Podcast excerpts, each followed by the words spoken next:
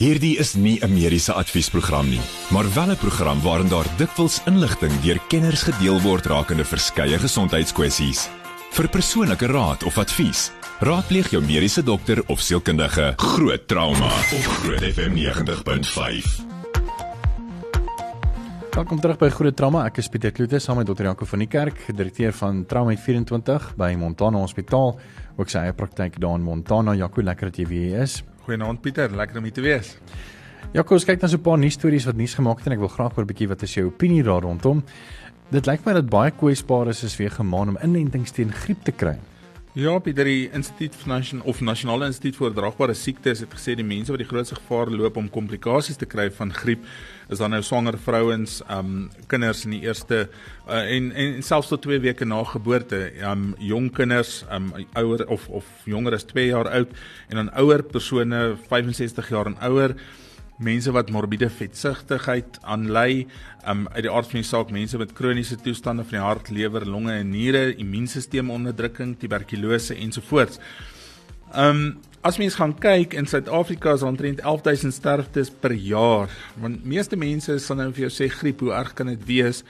En dit is so, meeste van die van die persone wat griep ontwikkel, um sal binne 'n week heeltemal herstel, week of 2. Hmm. Maar 11000 sterftes is nogal baie. Um ja. daar's omtrent 650000 sterftes jaarliks um aan aan griep. En as mense dit in verhouding met met COVID stel, dan is dit eintlik ook maar redelik sleg, nê. Nee, um ja.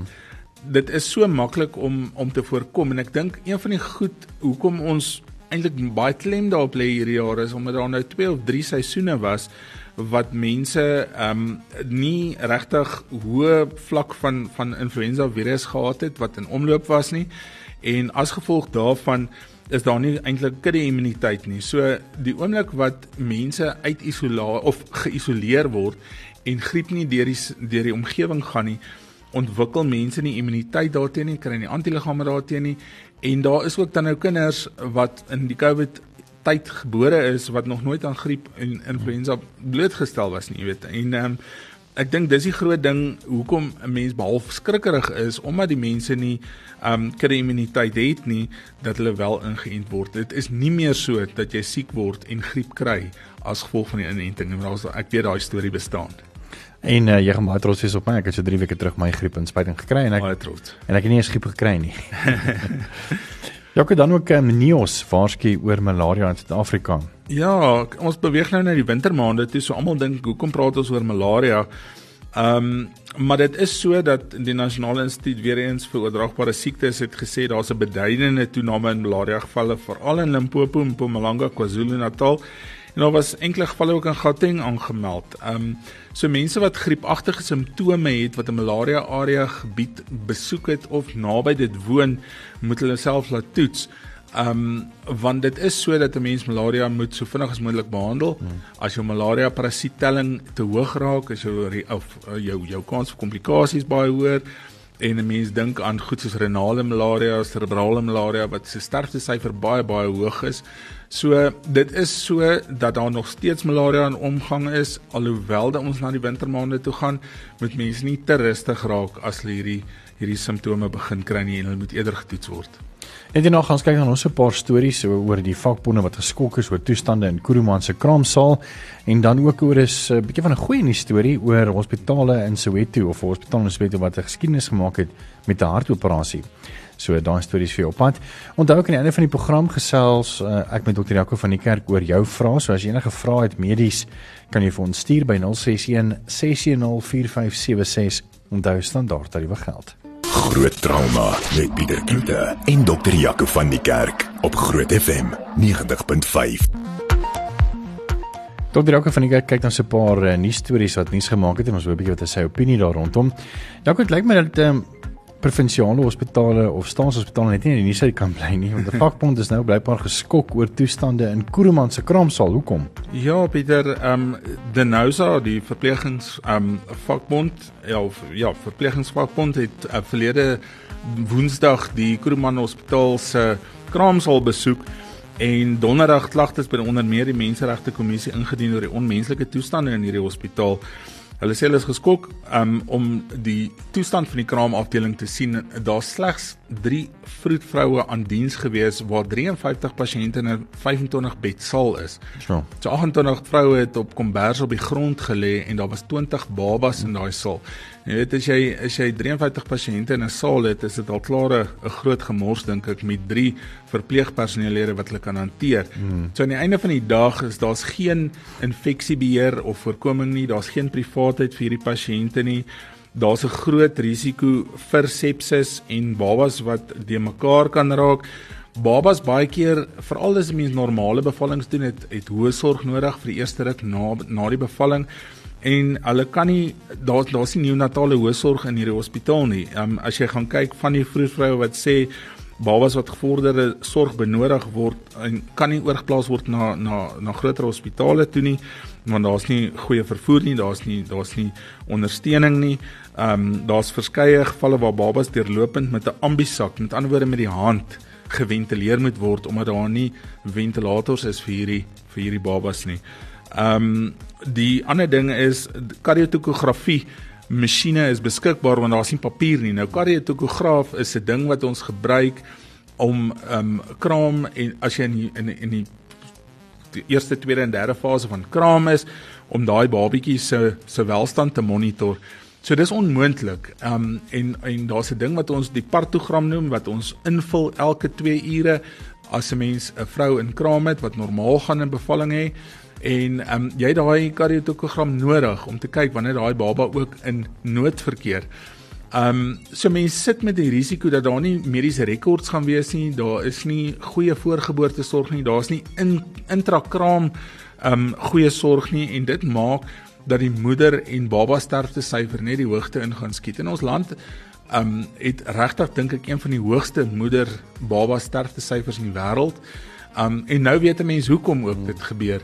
Um dit is regtig waar skokkend om te sien dat babas doodgaan weens die feit dat daar net dood eenvoudig nie een personeel is, twee plekke is en drie die fasiliteit om die babas oor te plaas sou hulle gevorderde mediese sorg benodig nie. En ek wonder nogal wanneer gaan die MRK die mense dat 'n kommissie begin intree? Want ek meen dit is 'n ek dink 'n basiese skending van 'n mense reg tot daarom weet ordentlike gesondheidsorg of dan ja tot 'n gesondheidsorg. Ja, as jy na die grondwet kyk, dan sê hulle tog maar die beginsels is gelykheid. Ehm um, daar moet nie enige ehm um, verskil gemaak word tussen mense nie. Ehm um, en wat gaan hulle doen aan hierdie ding? Ehm um, in in hierdie hele groot probleem. Want dis nie net die die babas nie, dis die dis die vrouens ook wat wat mm. regtig sleg benadeel word.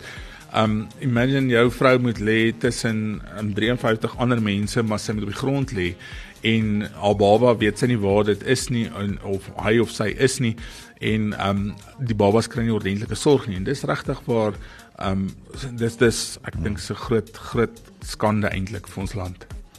Jaco, ek het myself my hand gebrand ook gebraai het laasweek, maar ek sien dat um, Marula Media skryf ook 'n artikel wat uh, dit lyk my brandwonde is nou volop en dit is nie omdat almal braai nie, maar dit is net omdat almal braai weens beerdkrag.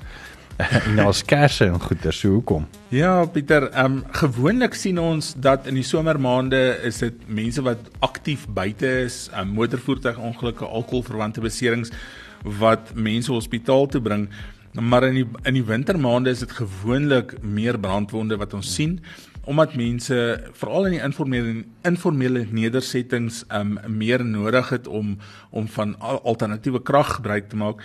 Maar nou met beerdkrag is dit dat elke tweede ou moet kersse gebruik of 'n of 'n um kragopwekker ensovoorts wat 'n hoë brandrisiko inhou en ek dink maar beerdkrag is een van die groot probleme hoekom die brandwond syfers so so optel in die in die laaste ruk.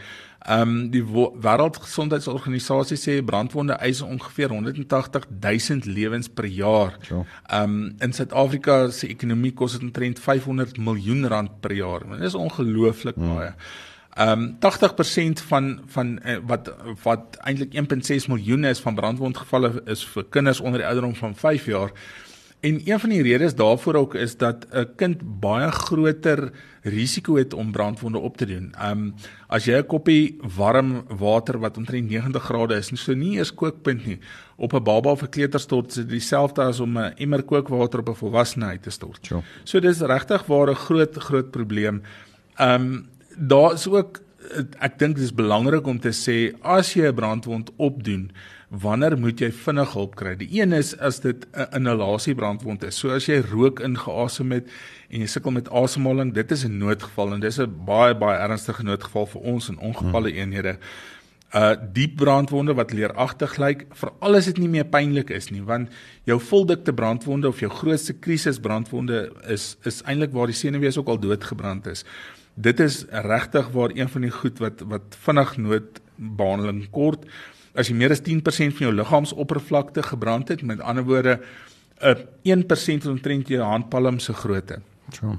Daar's 'n reël van 9 ook wat die wat die paramedici wat ons nou net mee gaan praat baie meer gebruik. Ehm um, maar ehm um, gewoonlik is so 1% gelyk staan aan 'n handpalm.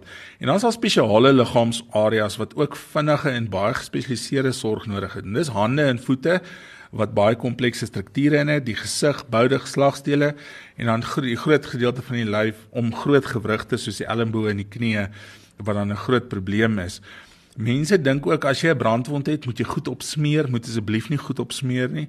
As dit 'n blaas maak, moet asseblief nie daai blaas oopmaak nie. Dit is juis daar om jou teen infeksie te beskerm. Een van die groot krisisse van brandwonde of die twee grootste komplikasies dink ek is vogverlies, is dit 'n groot areas en die tweede ding is sepsis of sekondêre infeksie en um mense met daai brandwonde eintlik so skoon as moontlik hou. Hmm. Maar as jy daai spesiale areas het wat brand, groot areas het wat brand of inhalasie brandwonde het, is dit 'n baie baie vinnige indikasie om vinnig hulp te kry.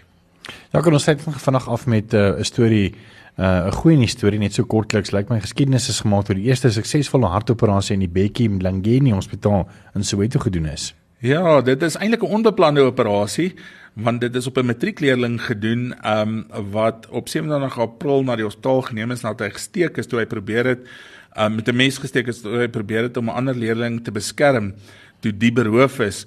Um toe die kind dan nou in die hospitaal aankom was sy toestand onstabiel.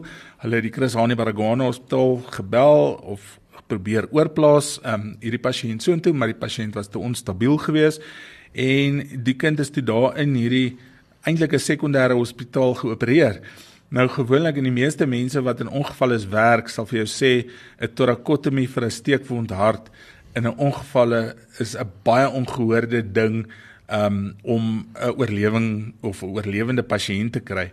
Want een 'n torakotomie in 'n ongevalle of in 'n in 'n in 'n hospitaal wat nie goed toegerus is vir kardiotorakale chirurgie nie, is 'n al klare hoë risiko 'n steekwond hart is 'n baie groot risiko. So ek dink regtig waar ons kan ons hoed afhaal vir hierdie ouens wat wat drie kind geopereer het in suboptimale omstandighede. Um en die eintlik half die moed aan die dag gelê het om te probeer wat hulle kan doen in 'n hospitaal wat nie toegerus is daarvoor nie en dit met sukses um reg gekry het. So baie baie geluk aan hulle dink ek. En uh, net die nablydingskakel gaan ons 'n bietjie gesels oor veiligheid van paramedikuste in Afrika en uh, ook selfs in uh, die Midde-Ooste. En dan gaan ons ook 'n bietjie gesels met Isel Eis.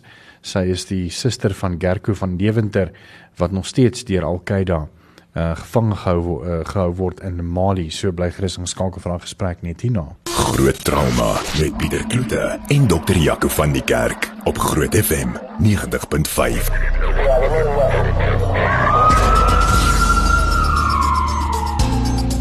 Welkom terug is Groot Trauma. Ek is Pieter Kloete en saam met Dr. Jaco van die Kerk by Trauma het 24 daar in Montana. Ons het al in die nuus gehoor uh, en ek seker jy het ook al raak gelees van Gerko van Deventer, 'n paramedikus wat in Libië uh, ontvoer is deur Al-Qaeda en hy's nou tans in Mali en waar hy nog steeds uh, gevangen is en ek weet um, dat Gift of the Givers ook op 'n stadium uh, die afgelope paar maande uh, probeer uh, bemiddel en kyk of hulle hom kan terugkry. En um, ek het gewonder of dit miskien ook nie dalk 'n goeie idee gaan wees om met miskien ook 'n paar paramedikuste te gesels om te hoor van wat se toestande hulle in werk as hulle byvoorbeeld in Afrika of dan in die Midde-Ooste gaan werk nie. Ehm um, en om hieroor te gesels het ek vir Marilet Bester, sy's 'n ANA uh kwalifikasie en sy het nou al reeds in Dubai en Afghanistan en Zambia en Mosambiek gewerk en uh Marie uh Marie en sy is 'n uh, 'n volunteer wat ook al in, in Namibië gewerk het. Hoorie dames, baie welkom. Baie dankie Pieter. Baie dankie. Maar dit ek gaan sommer by jou begin ehm um, want jy het nou al in in plekke soos Afghanistan gewerk. Nou kyk Ehm um, dit is nie seker nie een van die maklikste plekke om te werk. Kyk as as mense dink jy as jy in enige plek in die wêreld kan gaan werk, dan is dit definitief een van die plekke wat eers op jou lysie is, nie want ek meen daar's baie gevare. Stel ons 'n bietjie van jou ervaring. Jy was 2 jaar in Afghanistan gewees. Dis reg ja Pieter, 2 jaar in Afghanistan. Ehm um, dit was 'n groot avontuur om eerlik te wees. Dit is jy leer baie, jy sien baie. Um, baie mense dink jy het al die resources wat wat waaraan jy kan dink maar jy moet daar gaan jy op jou instink jy gaan jy dink buite die boks jy moet baie keer moet jy bietjie dieper delf. Uh, ons het altyd gesê phone a friend. As jy nie seker is nie bel iemand. Jy het boeke saam met jou. Jy jy het ongelukkig nie altyd toegang tot al die bells and whistles en al die speelgoed wat jy deesdae in 'n privaat hospitaal kan kry nie. Hmm. So jy het eintlik maar net net om son te vat in 'n letterlik in 'n veldhospitaal of in 'n tent as mense dit nou so kan noem of die bergshulle gemaak het tydelike uh, bergs gewerk waar die soldate wat dan gewond is dan uh, geneem word en hulle stabiliseer en dan van daar af gaan hulle dan na eksterne hospita hospitalisering toe is dit nie uh, dit is, is reg ja al die life saving measurements word geneem um, dit is inderdaad 'n tent wat, wat omskep word in 'n hospitaal met cardboard afdeling so jy's letterlik in die in die veld waar jy geopereer word en die dokters aan wie ons gewerk het het ongelooflike goeie werk gedoen. Ehm um, dit is enigiets van amputasies af regdeur na klein goedjies van 'n vinger wat geamputeer is. Ehm um, goed wat vir ons klein is, maar wat 'n groot verskil maak. En van daar af is hulle na die hoofbasis in Kandahar weer afgevoer. Vertel ons 'n bietjie van jou ervaring. Ehm um, ek weet um, Afghanistan is nou verseker nie baie vrouvriendelik nie. Uh, in die eerste plek en natuurlik is Afghanistan nog 'n 'n war-torn country as ek dit nou in Engels kan sê. Is daar op tye wat jy bietjie uh gevoel het hoe dit dit raak net 'n bietjie gevaarlik vir my uh, of of nie regtig nie. Nee, absoluut. Kyk Pieter, die ding is jy jy is in 'n in 'n vreemde land, jy is in 'n moslimland. Ehm um, die groot ding is jy moet dit respekteer. Uh ons het op die basis waar ons was, was ons omring gewees deur soldate. So terwyl jy op die basis is, is jy veilig. Maar ons het nog steeds grondaanvalle gehad, ons het nog steeds lugaanvalle gehad. Um, ons het later gespot en gesê as jy in 5 dae staan nie 'n ligaanval was nie, het ons gevoel die Taliban skep ons 'n bietjie af. Um, so jy weet jou jou eerste reaksie is die die sirenes gaan af, jy hardloop, jy moet na 'n banker toe gaan, jy moet jou helm in jou vest vat. Um na ruk raak jy so gewoond daaraan. Dit is tweede natuur. Jy jy hardloop nie meer nie, jy stap. Um partykeer het jy besluit maar ek gaan nie eers vandag na die banker toe stap nie, ek gaan maar net in my tent bly want as dit jou tyd is, is dit jou tyd. Um of jy nou 'n helmet aan het of jy 'n 'n bulletproof vest aan het, um as 'n bom afgaan, gaan hy af. Hoekom het jy gekies om daar te gaan werk? Dit was dit was 'n uitdaging, dit was 'n avontuur geweest. Um jy weet jy jy raak so gewoond in die in die hotel waar ek gewerk het in Dubai, was jy het elke dag net siek mense gesien. 'n Hoofpynniere, 'n 'n toon wat gestamp is daar en ewe skielik kry hierdie amazing uitdaging en avontuur wat op jou wag en baie mense het gesê maar hoekom Afghanistan? Ehm um, hoekom nie? Hmm. Ehm um, dit is dis iets anderste. Dit is nie dis nie elke mediek wat die voorreg het om te gaan om daai nommer 1 die avontuur te beleef as jy dit 'n avontuur so dit sien as 'n avontuur en tweedens die kennis wat jy opbou. Ehm um, dit is lewenservaring. Dit is dis iets wat jy nie vir iemand kan beskryf nie. Hmm. Maar jy het in Namibië gewerk. Ehm um, vertel ons 'n bietjie van van die uitdagings vir paramedikuste daar toe jy nou daar gewerk het as 'n vrywilliger. So van 'n perspektief af van net om op die toneel uit te kom, wat dit die afstand tussen die dorpe is nogal groot. So dit voel asof jy ewigheid ry, maar sowel as jy jaag. En omrede daar ook van van die plekke het sout baie. So daar kan dou ook geval het en dan is dit baie glad. So mense moet dit ook in ag neem, maar ehm um, wanneer mense op die toneel kom, weet mense nie noodwendig wat is die pasiënt se toestand nie. Ehm um, is hulle familie of vriende daar ook wat dalk kan sê maar hoekom het jy so lank gevat om by ons uit te kom? En dan beklei hulle met jou en tussenin wil iemand vir jou sê hoe om die pasiënt te behandel. So dit interfereer as ek dit so kan stel ook met die proses. En vir al die gevalle waar daar dit gebeur dan nogal gereeld waar daar messteek gevalle is waar jy net maar weet jy stap in 'n situasie van konflik in of daar kan 'n krimineel wees wat jy moet gaan help en die gemeenskap stem nie saam met jou nie dan moet jy nou eers kyk na jou eie veiligheid om seker te maak dat jy ook veilig is with there to preserve life maar nie teen jou eie onkoste nie daar is al gevalle gewees waar paramedics aangeval is aangerand is en van die paramedics het dit selfs nie gemaak nie as gevolg van daai gewelddadige situasies. So die ek sal sê die uitdagings wat ons ervaar in Suid-Afrika is baie anders in Namibië. Ehm um, dit raak net al it's hitting closer and closer to home. Ehm um, voorheen was die norm gewees dat mens is geneig om veiliger eintlik daai kant te voel. Maar nou met tyd is dit besig om bietjie te verander. Wat mens kan sien, daar is similarities en dit is dis maar goedjies wat ons moet face. Ek ben Jaco, jy weet ook nog dat eh uh, weet Panamerikaste selfs hierso in ons eie dorpie in Tshwane ehm uh, is nie veilig nie. Ek meen daar was gevalle gewees van Alexandra waar ouens ehm uh, aangeval was, uh, toerusting wat gesteel is hierso in Tembisa aan die mm, Oosrand. Ja. Ehm um, selfs Panamerikaste wat letterlik dood is, ja. jy weet. Ja, Pieter, ek ek dink ek het baie respek vir enigiemand wat wat van die basiese ambulanspersoneel dwarsteer tot by die paramediese um spesialiste uit. Um terwyl ek gespes het in noodmedisyne was deel van my opleiding om met 'n tyd saam met saam met op een van die voertuie deur te bring. En 'n helikopter. Ja, hmm. en jy sien so baie goed wat jy nooit in 'n hospitaal sal sien nie. En mense wonder baie keer hoekom doen mense dit? En ek dink ek dink mense wat van noodmedisyne en trauma hou is 'n spesiale groep van mense. Ek dink jy word gedryf deur adrenalien baie keer. Hmm. Ehm um, ek dink ek word dalk al bietjie oud, maar mense word gedryf daardeur en en ons het ons wat baie nou in die teater kom wat wat opereer sê altyd jy moet 'n plan in jou sak en wind in jou seile hê dan is jy reg. En ek dink dis waar julle vanaand kom in in in plekke soos Afghanistan ook, jy weet, jy moet heeltyd 'n plan hê, 'n backup plan en 'n backup plan vir daai backup plan en dit maak die lewe interessant. Ehm um, dit is baie maklik om uh, wel ek sê nou maklik, maar dit is dis baie boring later om 'n hartversaking of 'n diabetes of wat ook al te behandel want dit bly dieselfde. Hmm. Die patroon bly dieselfde en in noodmedisyne is dit nooit dieselfde nie. Maar jy gaan baie keer in areas in of jy jy werk met mense wat ehm um, dit eintlik vir jouself onveilig maak en ek hmm. dink mense daar buite moet baie meer respek hê vir die um, paramediese personeel daar buite want dit is nie 'n maklike werk nie. Dit is baie makliker om binne in 'n hospitaal te sit waar ek nou die voorreg het om te sit as wat dit daar buite is om die pasiënt tot by jou te bring. En ons ons in die hospitale ook baie keer besef nie meer hoeveel effort dit vat om daai pasiënt daar te kry op jou trolley, op jou bord en alles is reg. Ek het die regte hoogte om te intubeer. Ek het die reg ek het al die tools en al die al die speelgoed soos wat jy sê. As ek sukkel met 'n ligweg dan ek 'n glidescope, jy weet. So en ons gebruik dit. Um ek dink mense het baie meer respek nodig um daar buite ook vir vir vir hierdie mense.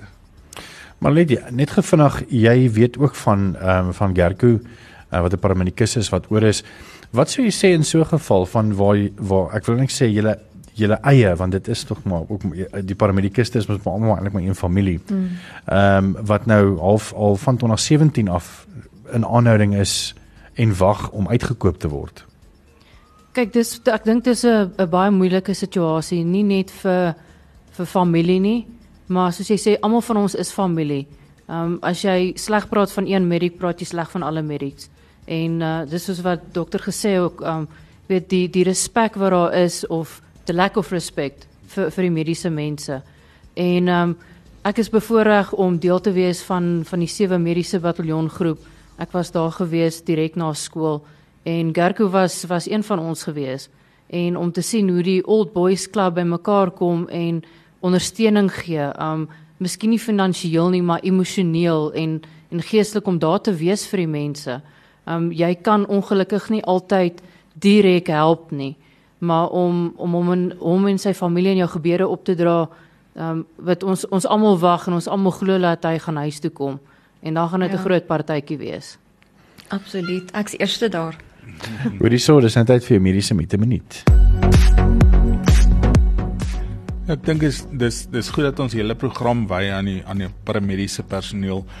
Um en ek dink een van die groot mites daar buite is dat baie mense dink paramediese personeel bestuur net die ambulans en bring die pasiënt aan. Um en dit is 'n groot groot miskonsepsie dink ek daar buite.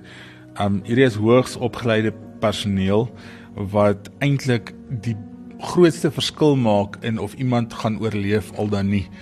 Um as hulle pasiënt nie reg hanteer nie, kan ons op ons kop staan en ons gaan nie daai pasiënt gered kry nie.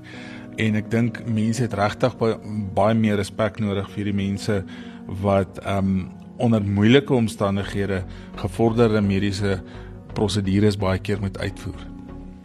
Groot trauma op Groot FM 90.5.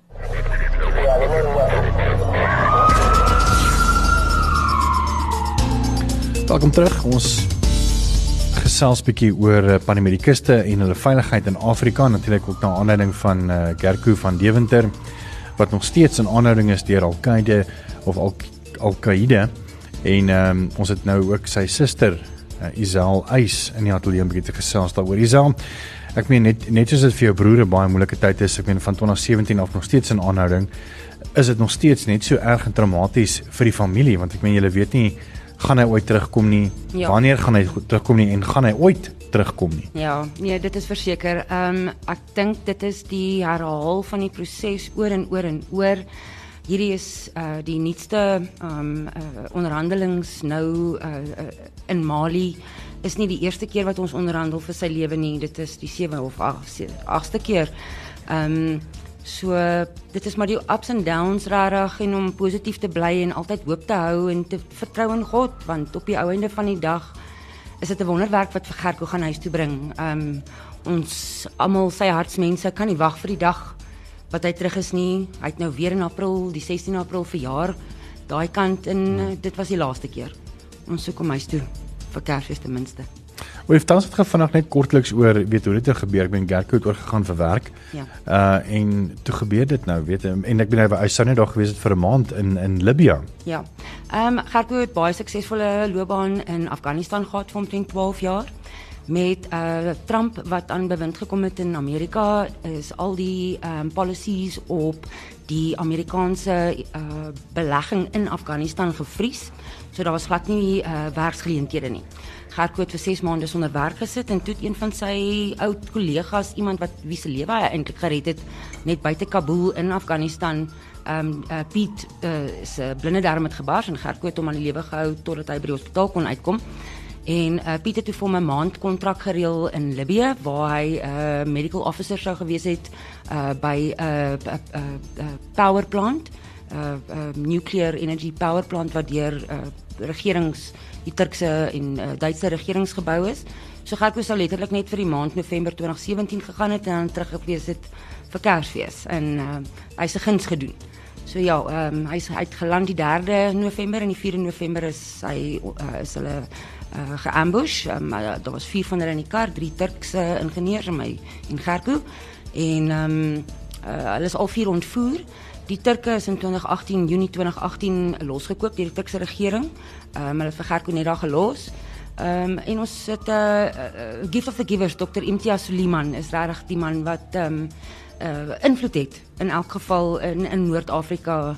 Ehm um, die Suid-Afrikaanse regering, ons het nie 'n ambassade nie, ons het nie 'n konsulaat nie. Daar's geen uh, regering tot regering verhouding met Libië nie. So ehm um, daar's niemand om mee te gaan praat nie. Ehm um, uh, dit maak alles baie moeilik. Daar was ook nou onlangs weer 'n video uh, as proof of life. Ek weet nie of jy ons 'n bietjie wil vertel daaroor nie. Ja, so ehm um, dit het eintlik uh, uh, Olivier Debois is 'n Franse joernalis wat onlangs vrygelaat is. Nou hy is vir 18 maande saam met Gerko aangehou. Ehm um, en hulle het mekaar beloof dat uh, wie wie ook al eerste uitkom sal hulle bes doen om die ander ou uit te kry.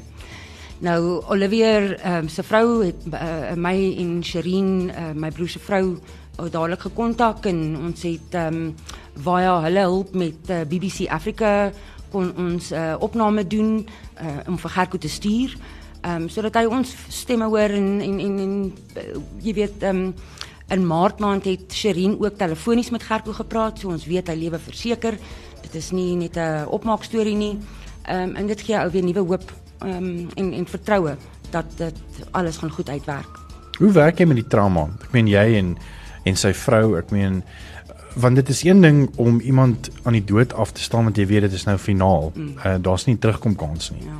Maar hierdie is amper, jy weet jy probeer vrede maak en maar dan kry jy weer daai hoop van okay, hier's 'n video uit lewe, daar's weer 'n kans en dan is dit net weer 'n teleurstelling want die regering van Suid-Afrika gaan verseker nie betaal nie en ja. ek meen om 19 20 miljoen rand uit te haal uh, dis nie in elke ou se se bankrekening nie. So hoe hanteer julle die die op en af van hierdie trauma? Dis baie moeilik. Um, ek dink my ouers het dit die swaarste.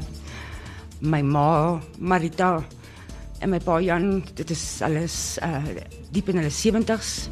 Ehm um, ons moes die harde gesprek gehad het om vir hulle te sê luister jy moet verstaan dat Gerko dalk nie gaan terugkom terwyl jy nog lewe nie. So. Ehm um, dit is realiteite jy moet verstaan dat hy dalk moet kan of hy sal moet konvert na Islam um, om aanvaar te word om aan die lewe gehou te word. So daar's baie reperkusies uh, um, om aangehou te word in so tipe jy weet in sulke tipe omstandighede. Dit is glad nie normaal nie. Dit is heeltemal abnormaal. En jy en sy vrou? Ehm um, Sherine is 'n eister. Ek weet nie hoe sy dit doen nie. Sy is 'n ongelooflike sterk persoon. Haar geloof in God dra deur hierdie tyd sy het nog nie 'n negatiewe woord ooit gepraat nie, ehm um, ooit gesê nie, nooit gekla nie, nooit gevra vir enigiets nie. Sy is uh iemand om na op te kyk. Ehm um, vir my was dit baie moeilik. Ehm um, Gerko se ontvoering het op my troudag gebeur, die 4 November 2017. So my huwelik met my man Renier het nog altyd die swaalwe donker wolk oor gehad dit maak dit moeilik. Ehm um, jy weet as 'n ou by familie by einkomste, jy weet ons het elke tweede week saam gebraai en jy weet soos alle Afrikaanse families en ehm um, ons was baie na mekaar en ehm um, dit maak dit moeilik om by 'n familie braai te wees byvoorbeeld en gelukkig te wees want waar's Gerko en hmm. uh, sy vryheid is weggeneem sonder sy toestemming. Um, hy het nie 'n keuse nie. Um, hy moet net maar net daar sit vasgeketting aan 'n boom in die middel van die woestyn en hoop iemand het 9 miljoen rand om hom los te koop. Voel jy baie keer skuldig as jy byvoorbeeld braai 'n partytjie hou en hy sien daar nie? Altyd. Elke dag. Elke dag. My seëninge het hy nie. En sê vir my, wat is die pad vorentoe? Ek meen uh, natuurlik wil hulle graag om terug hê, maar dit is nie so maklik nie. Is daar hoop uh wat hou die toekoms in vir julle as familie en vir Gerke? Vir Gerke, dit is in Here se hande. Dit is nie die Here wat vir Gerke gaan terugbring. Dit gaan 'n wonderwerk moet wees. Daar is nie geld om te betaal vir hom nie. Ons as familie het nie geld om te betaal daarvoor nie. Ehm um, ek en my sussie het 'n crowdfunding ding begin. Ehm um, my sussie Karley ehm um, uh, wel 6 jaar terug, amper 6 jaar terug en uh, in al die tyd het ons net so oor die 9000 rand ingesamel van die 9 miljoen. Ehm um, nou dis baie moeilik want jy kan nie te veel sê nie, dan word sy waarde opgestoot. Jy kan nie te min sê nie, dan het hy nie waarde nie. So jy moet 'n baie dun lyn die hele tyd handhaaf om te besluit hoeveel sê jy in die media, gaan ons carte blanche toe. Ons het baie geleenthede gehad om om om baie publiek te gaan met met Gerko se storie, maar die raad was altyd hou dit loukie. Ehm um, moenie te veel jy weet jy wil nie sy waarde te hoog sit nie. Hulle wil klaar 'n miljoen euro sê afgebring na 450 000 US dollars. So ehm um, dis 'n baie dun lyn. Ehm um, en dis baie op en af. So, ja. Ons hou regtig duim vas en ons glo dat dat uh, die liewe Vader vir julle gaan seën en uh hopelik binnekort dan ook 'n deurbraak gaan hê met met met Gerko. So ons dink regtig gaan julle en sterkte en hou ons asseblief op hoogte van wat gebeur. Baie dankie. As enigiemand wil sien wat aangaan, gaan gerus na ons Facebook page toe. Dit is the Paramedics Plea, die Gerko van Deventer story. Paramedics Plea, die Gerko van Deventer story. So daai jy het gaan volg daai storie en uh, ek meen selfs vir die paramedikuste uh, wat almal eintlik maar familie is, uh, is ek seker hulle sal dit ook ondersteun. So So dankie vir jou Isel Eis en dankie ook vir Marilet. Uh, ons het nou net gekom by trauma en ons tyd is letterlik amper al uh tot 'n einde. Maar vreeslik dankie vir julle tyd en sterkte. Sterkte vir dit wat voor lê. Baie dankie. Dankie Pieter. Jaco, nou is dit tyd vir ehm um, die mediese uh of vra vir dokter Jaco van die kerk. En ek weet daar was een vraag wat deur gekom het. Nou ek het nie tyd gehad om hom te luister nie. Ehm um, maar Was tannie Frida. ja, dis tannie Frida. so kom ons kyk. Ek gaan net maar 'n kans vat en kyk en dan kyk ons of jy kan antwoord op hierdie volgende. Dokter Jaco, weet jy ek het nog 'n probleem. Ek speel 'n speletjie op my foon. Hulle gee jy so 5 of 6 letters, dan moet jy woorde maak van dit. Soos 'n blokkies raai, so 'n hele spel goed wat jy moet invul. En ek is nou al so verslaaf aan die vervloekste ding. Uh seek your words en dit gaan net aan en aan en ek is nou al by 'n item 2 of 3 wat ek speel sommer begin van voor af 'n ander een. Dis oor 1000 wat ek al 2, 3 keer gedoen het en ek weet nie of dit reg is nie. Want weet jy ek kan nou as ek 'n letter sien, dan moet ek dink wat se letter is dit? Dink jy dis my brein of is dit my oë? Dink jy ek oordoen dit of ek word gewaarsku? Maar ek kan nie ophou nie. Ek hou Nou, dankie tannie Frida. ja, ek dink eintlik is dit maar oor ehm um, jy weet enigiets uh of, of, of hoe gaan die gesegde alles tot tot, tot 'n mate, jy weet. Ja, al is dit 'n goeie ding is enige ding wat in oormaat is is Hmm. nie goed nie.